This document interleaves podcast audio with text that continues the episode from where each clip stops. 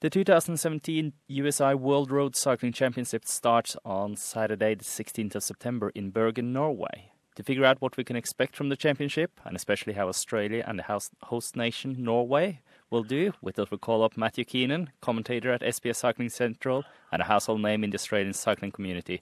Welcome to the program, Matt.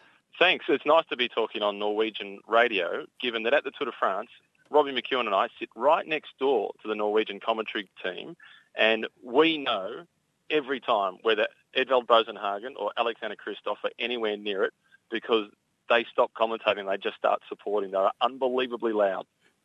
Well, that sounds excited. But talking about excitement, what excites you most about the Worlds this year? Uh, for me, having it back in Norway is somewhat nostalgic for me because I can remember the World Championships in 1993, which were in Oslo and that was a year where we had Jan Ullrich win the amateur race, and then Lance Armstrong won the professional race. And then those two guys went on to have what you would classify as really colourful careers, to say the least, and two great rivals throughout their career. So going back there, seeing it back in Norway again, is it's an event that I'm really looking forward to. In which uh, of the competitions can we expect the Australian riders to excel? Uh, in the individual time trial, we've got in the men's race, we've got Rohan Dennis, who is a, a genuine chance as long as he's healthy. And in the women's race, you can say exactly the same again for Katrin Garfoot. She's you know, German-born, German-raised, but married an Australian and has represented Australia at the Olympics and is very much a Queenslander now. And she's somebody that I'd be surprised if she finished outside the top five. And I think she's a real, real chance at the very least to get a medal. We also have a team time trial uh, this year. How uh, how do you think that's going to go? Uh, the team time trial is always feels like it doesn't fit at the World Championships for me because it's not nation based. It's your trade team. And one of the things I really like about the World Championships is all year long we're talking about people riding for for a particular team, and you know, we mentioned that brand name and so on. And then come the World Championships, it's about riding for your nation. It's about guys like Boasson Hagen and Alexander Kristoff going from being enemies to teammates. But then with the team time trial, they still they race in those trade team colours again.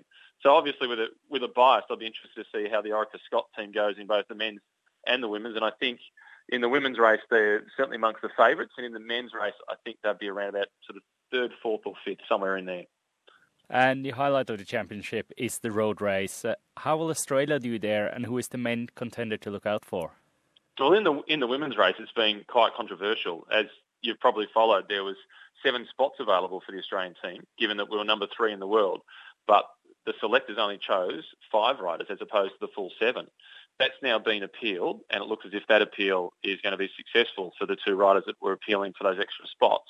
And one of them was Chloe Hosking, who's the world's number eight ranked cyclist, and she didn't get picked for the Australian team, which was extraordinary. So I'm glad it looks like that appeal is going to be successful, and we will have seven in the women's race.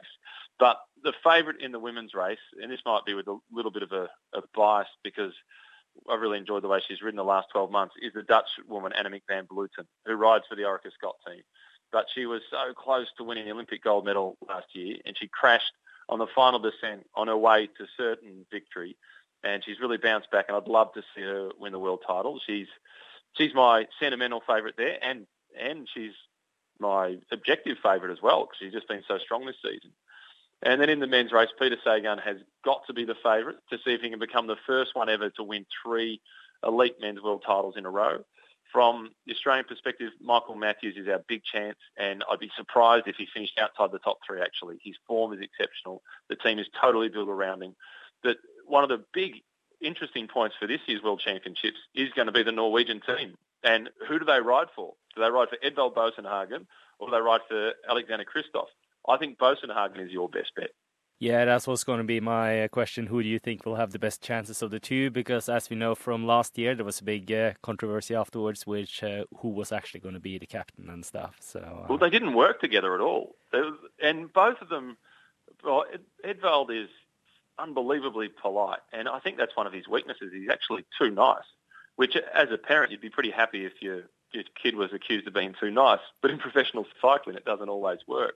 Whereas Alexander Kristoff has got a bit more of that that mongrel in him, that underbelly of real grit, and, and he's happy to get the elbows out and bump heads and those sorts of things. But I think that the best chance for Norway is Edvald Boasson Hagen, and if he did win, he'd be a really popular winner. Matthew Keenan, thank you so much for taking the time to talk to us here at uh, SBS Norwegian. My pleasure.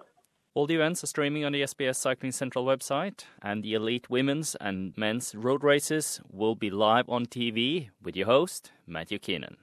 On SBS Norwegian, I'm Frank Mathisen.